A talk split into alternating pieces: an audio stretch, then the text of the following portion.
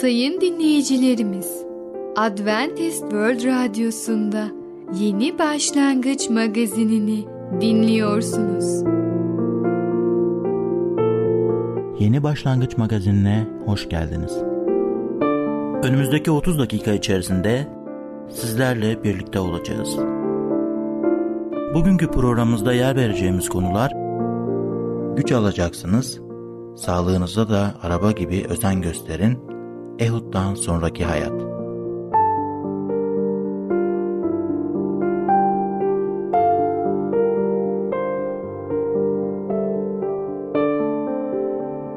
Adventist World Radyosu'nu dinliyorsunuz. Sizi seven ve düşünen radyo kanalı.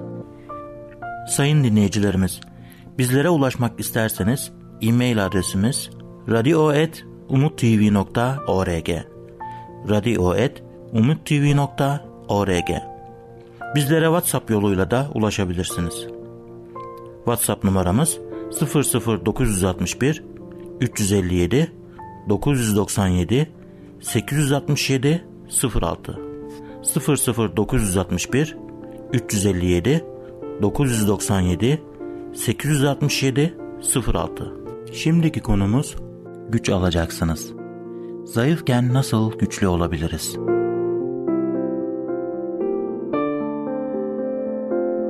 Merhaba değerli dinleyicimiz. Başarılı Yaşam programına hoş geldiniz. Ben Tamer. Bugünkü konumuz güç alacaksınız. Biliyor musunuz insanlar hayatlarında planlar yapıyor. Böyle bir planlama annem de zamanında yapmış. Çok uzun yıllar öncesi kendisi daha bekarken çalıştığı şirkette muhasebeci maaşından ufak bir cüzi bir rakam kesmiş. Yani yaklaşık diyelim ki 5 lira. Ve demiş ki yasa gereği her insan para biriktirmesi gerekiyor. Dolayısıyla ben de sizin maaşınızdan o parayı kesip sizin adınıza bir tasarruf mevduatı olarak yatırdım. Annem de tamam demiş o zaman ben de bu fikrinize katılıyorum. Ben de böylece para biriktirmek istiyorum. Tabii ki o dönemde bir tezgahlar çok fazla para da kazanmıyor. Ve bir şirket kutlamasında konu açılmış. Kim ne için para tasarruf ediyor? Birçok kişi de demiş biz daire satın almak istiyoruz. Ondan dolayı da para tasarruf ediyoruz. E ne kadar topladınız? Birisi diyormuş 1000 lira, birisi 1500, birisi 20 bin, birisi 30 bin lira. Ve o zaman anneme bakmışlar. Annem kendi rakamını söylemediği için ona sormuşlar. Peki sen niye yapıyorsun? Annem demiş ben de daire satın almak istiyorum. Ve ne kadar para biriktirdin? 5 lira demiş. Herkes gülmüş. Candan yürekten gülmüş. Herkes eğlenmeye başlamışlar. Demişler ki bu 5 lirayla sen hiç hayatta daire satın alamazsın. Ve zaman geçmiş, yıllar geçmiş. Annem evlenmiş, biz dünyaya gelmişiz ve günün birinde onu daire satın alma kurumundan çağırmışlar. Bakın sizin müracaatınız olmuş, paranız var mı diye sormuşlar. Annem demiş şöyle bir meblağ var. Onlar da demişler tamam bu meblağla olur ama çok az bir şey daha eklemeniz gerekiyor. Neyse 200-300 lira mesela. Ve istediğiniz daireyi seçin. Annem de hemen en büyük daireyi seçmiş. İnsanlar hemen ayağa kalkmışlar. Hayır olmaz siz yapamazsınız. Bu bir maaşla ödeyebileceğiniz bir daire değil. Vazgeçin. Yarın öbür gün gene yanımıza geleceksiniz ve diyeceksiniz ki ben bu daireyi maalesef satın aldım ama ödeyemiyorum. Lütfen bana bir yardım edin diye yalvaracaksınız. Ondan dolayı şimdiden biz bunları gördüğümüz için seni en iştenlikle iyi duygularla, iyi niyetten uyarmak istiyoruz. Hatanı yapmaman için lütfen en büyük daireyi, 3 odalı daireyi seçme. Annem hayır demiş, inatlaşmış ve en büyük daireyi seçmiş. Onun adını yazmışlar, anlaşma yapılmış. Şu kadar para yatırsın, ondan sonraki rakamlar ise kalan kısmını ise taksit şeklinde ödeyip böylece daireyi tamamen satın alıp parasını ödemiş olacak. Neyse zaman geçmiş ve annem öyle ve böyle Allah'ın yardımıyla kazandı paralarla ve ilave işler yapıp tarlada ve başka çiftçilik işleri o daireyi tamamen ödeyebilmiş.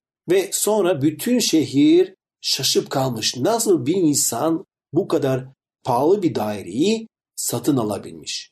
Biliyor musunuz? Yüce Allah bize yardım etmek istiyor ama maalesef ve maalesef biz onu düşünmüyoruz. Bir ünlü kutsal kitap yorumcusu ve düşünürü şöyle diyor. Allah bizim hayatımızda birçok büyük işler ve mucizeler yapmak istiyor. Maalesef biz insanlar olarak sadece kendi gücümüzle yapacağımız işler planlıyoruz. Oysa Yüce Allah bize yardım etmeye hazır. Yeter ki biz büyük düşünüp ve büyük hayaller yapalım, büyük planlar yapalım. Tabii ki Allah'ın iradesine göre. Şimdi kutsal kitaba bakarsak Elçiler İşliği 1.8'de şöyle ama kutsal ruh üzerinize inince güç alacaksınız. Yeruşalim'de bütün Yahudiye ve Samarya'da ve dünyanın dört bucağında benim tanıklarım olacaksınız. Hayatımızda ne tür problemler veya sıkıntılar olmasına rağmen güç alacaksınız diyor kutsal kitap. Pavlus'a bakalım. Hayatında ne kadar kötülükler yaşadı ama hayatında ne kadar iyilikler de yaşadı. Ne kadar insanlar onun müjde paylaşması aracılığıyla kurtulmuş oldular. Bunu daha iyi anlamamız için tarihte bir yolculuk yapalım. Pavlus'un zamanında Roma İmparatorluğu'nun nüfusu neydi? Kaç kişi yaşıyorlar? Tabii ki yaklaşık olarak bilim adamları diyor 60 milyon kişi yaşıyordu. İsa Mesih göğe alındıktan sonra kaç kişi bir araya gelip dua ediyordu? Biliyoruz ki orada 120 imanlı kişi yaklaşık olarak dua ediyorlardı. 60 milyonluk bir devleti 120 kişiye bölersek o zaman bir öğrenciyi yaklaşık olarak 500 bin kişiye müjdeyi paylaşması gerekiyordu. Ve böyle olunca bir insan yarım milyon kişiye nasıl ulaşabilir? Hem de 2000 yıl öncesini anlatıyoruz. O zaman ne internet vardı, ne Facebook ve diğer sosyal medya araçları vardı. Ve bizim gözümüzde bu çok ama çok imkansız gibi görünüyor değil mi? Roma topluluğu neye benziyordu? Özellikleri nelerdi? Çok uzun bir cevap vermeyeceğim. Sadece bazı özelliklerini anlatacağım. Siz ise günümüzdeki topluluk ile paraleller yapın, yapabilirsiniz. Roma İmparatorluğu maddeci bir topluluktu. Askeri bir topluluğuydu. Böyle bir topluluk için güç ve kudret önemliydi ve buna saygı duyuluyordu. Askeri devleti olduğu için Afrika'nın ve Asya'nın birçok topraklarını almışlardı. Şiddetle ve savaşla almışlardı. Roma'da sosyal eşitsizlikler vardı. Bir tarafta çok zenginler vardı, diğer tarafta ise çok yoksullar da vardı. Yoksullar ancak dilenerek yaşayabiliyorlardı. Zevkler peşinde koşan bir Roma topluluğu vardı. Çılgınca eğlenen bir toplumdu. Hedoniz bir topluluğuydu. İçsel olarak sevgi özlemiyle yaşıyorlarmış. Gerçek sevgiyi onların tanrılarında olmadığı için o zaman zevkler peşinde koşuyorlarmış. Biz görüyoruz ki onlar çok kısa bir zamanda sadece 20-30 yıl içerisinde müjde Roma İmparatorluğu'nun bir ucundan diğer ucuna kadar yayılabildi. Ve herkesin İsa Mesih'ten haberi oldu. Herkes kurtarıcı ve Efendimiz olan İsa Mesih'i duymuş oldu ve böylece herkes bu konuda haberdar oldu. Demek ki Yüce Allah'ın yardımıyla her türlü görevler yerine getirilebilir. Hiçbir şekilde biz Allah'a olan güvenimizi bırakmayalım, umudumuzu ona bağlayalım. Değerli dinleyicimiz, bugün güç alacaksınız hakkında konuştuk. Bir sonraki programda tekrar görüşmek dileğiyle hoşça kalın. Programımızda az önce dinlediğimiz konu güç alacaksınız. Adventist World Radyosu'nu dinliyorsunuz. Sizi seven ve düşünen radyo kanalı. Sayın dinleyicilerimiz, bizlere ulaşmak isterseniz e-mail adresimiz radio.umutv.org radio.umutv.org Bizlere WhatsApp yoluyla da ulaşabilirsiniz.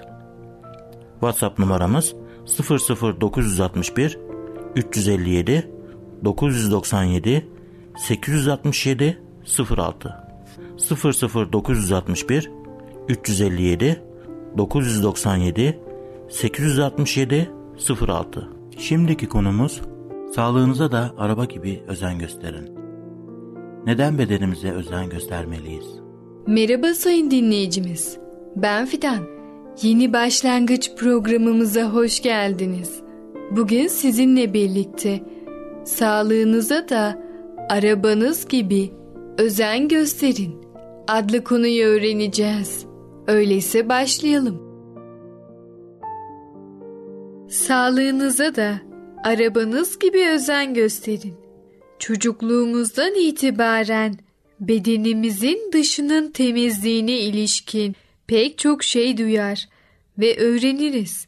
Ama bedenimizin içinin temizliği hakkında pek az şey biliriz. Oysa dış görünüşümüzü büyük ölçüde iç organlarımızın durumu belirler.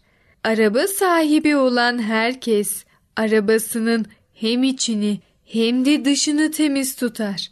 En iyi kalite yakıt ve yağ kullanılır. Neden sağlığımıza da aynı ölçüde özen göstermiyoruz? Arabamızın içini bir yıl boyunca temizlemeyecek olsak bir yığın çöp ve toz birikecektir. Çoğu insan bedeninin içini asla temizlemez. Genellikle 40 yaş civarında insanların bedeni zehirden, zararlı birçok birikintilerden ve bakterilerden yorgun düşer ve hastalıklara açık hale gelir. Bedenimiz hücrelerden meydana geliyor.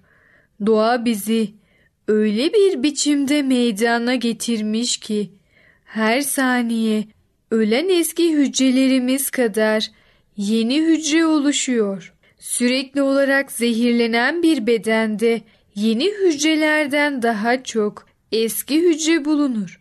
Bu tür sağlıksız bir dengesizlik yaşandıkça hastalıklara ve bedenimizde bozulmalara neden olur.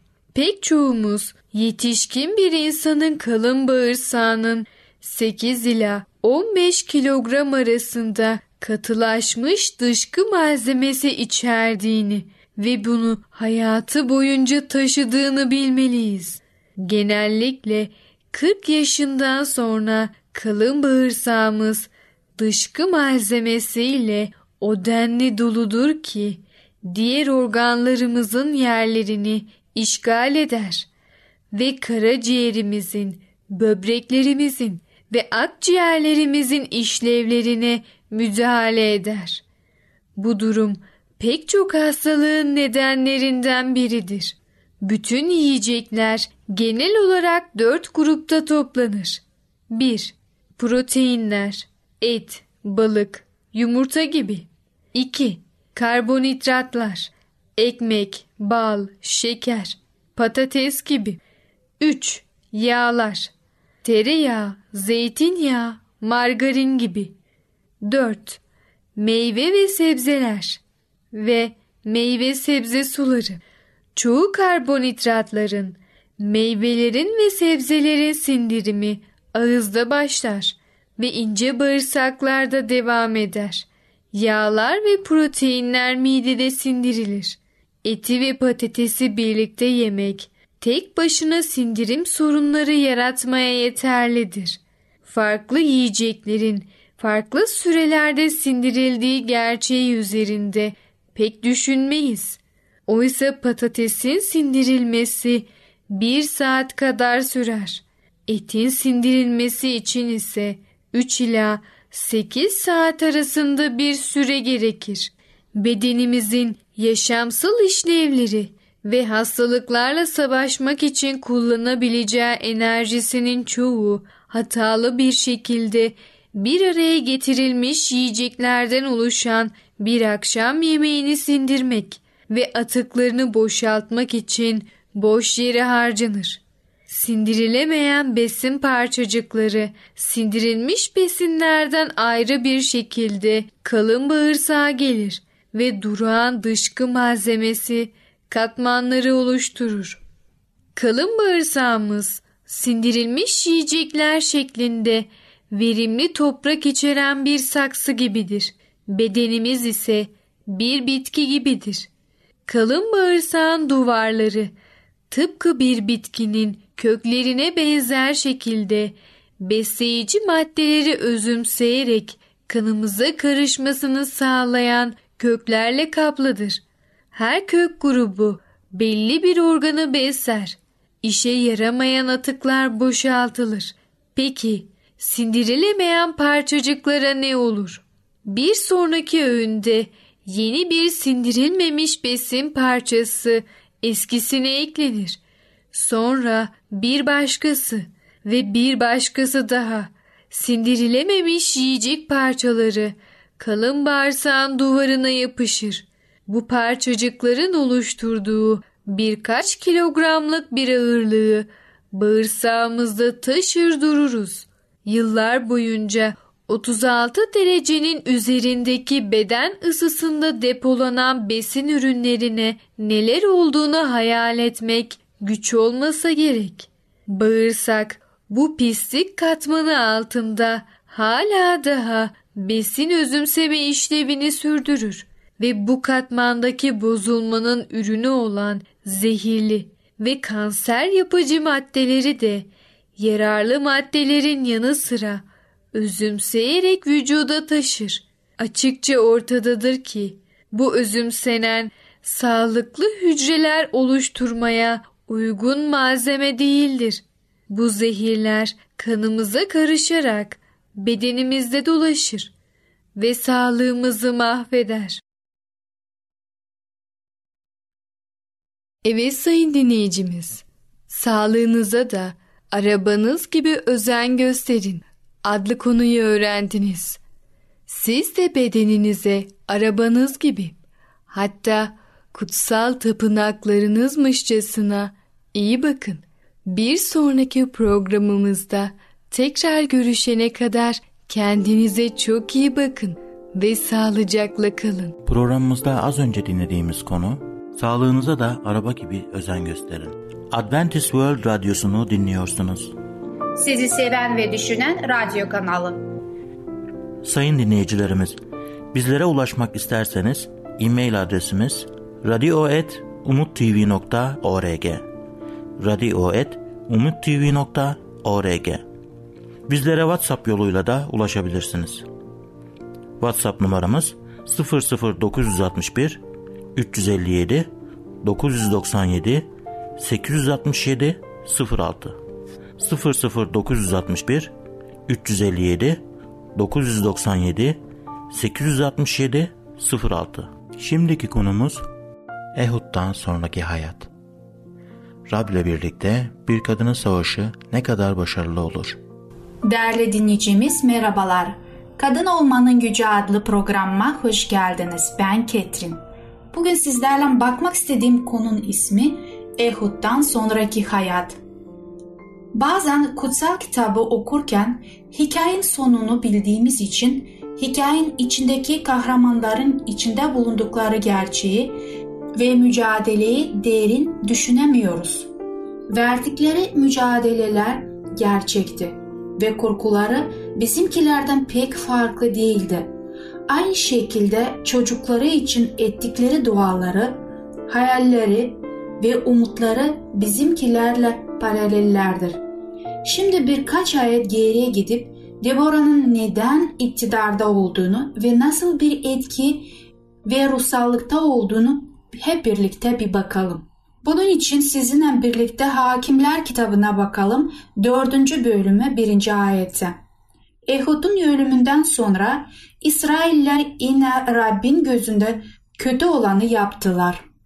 Yehud Deborah'dan bir önceki hakimdi ve ölümüyle birlikte her şey değişti.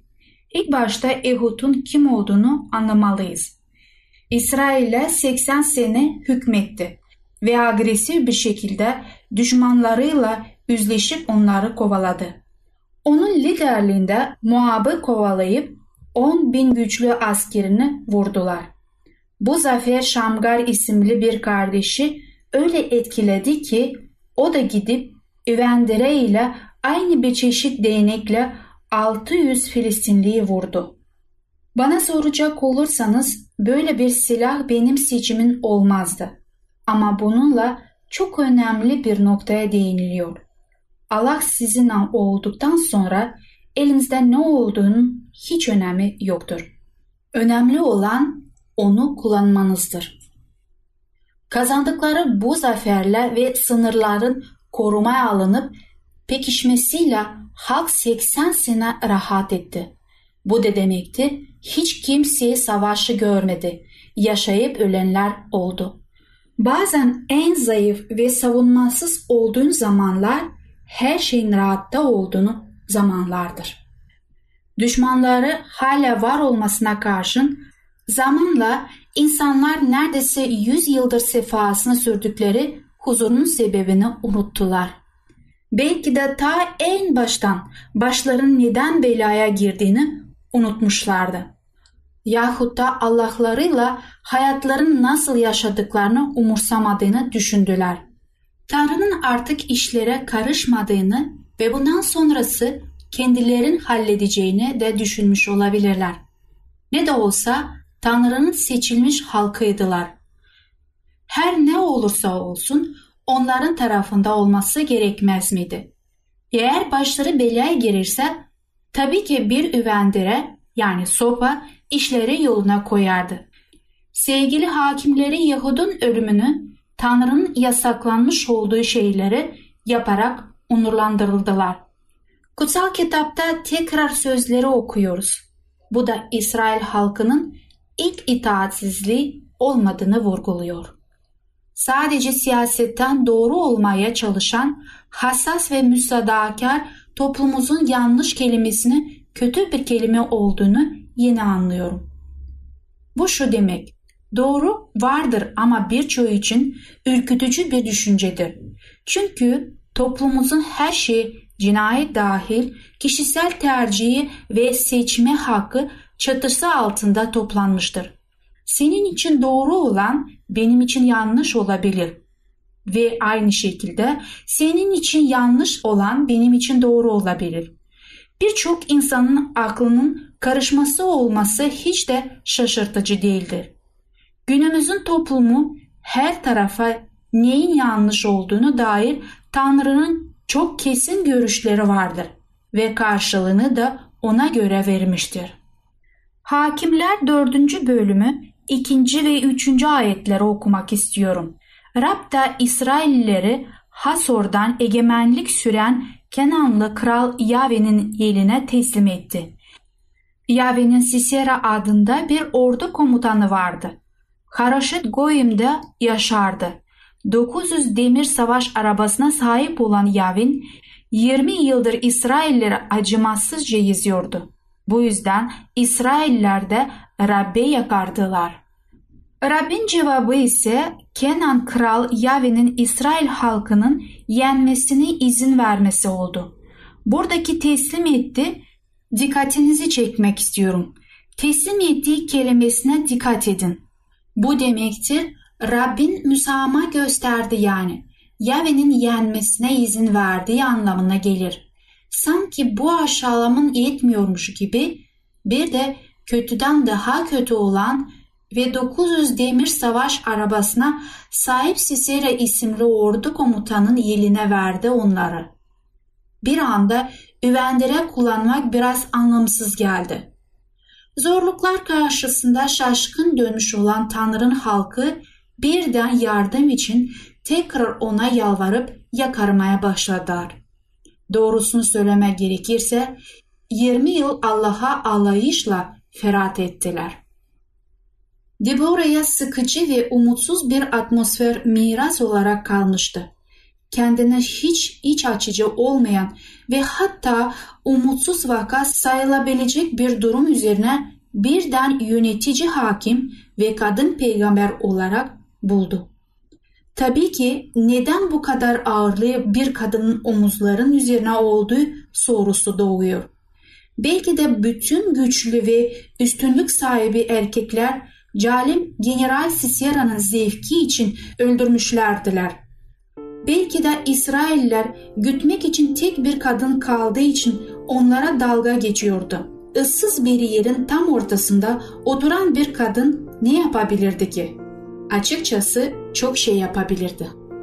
Değerli dinleyicim, bugün sizlere de aynı şekilde söyleyebilirler. Bu kadın ne yapabilir? Ama Yüce Allah'tan olduğunuz zaman büyük şeyler Debora gibi yapabilirsiniz.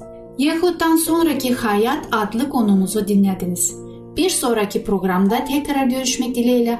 Hoşçakalın. Programımızda az önce dinlediğimiz konu Ehud'dan sonraki hayat. Adventist World Radyosu'nu dinliyorsunuz. Sizi seven ve düşünen radyo kanalı.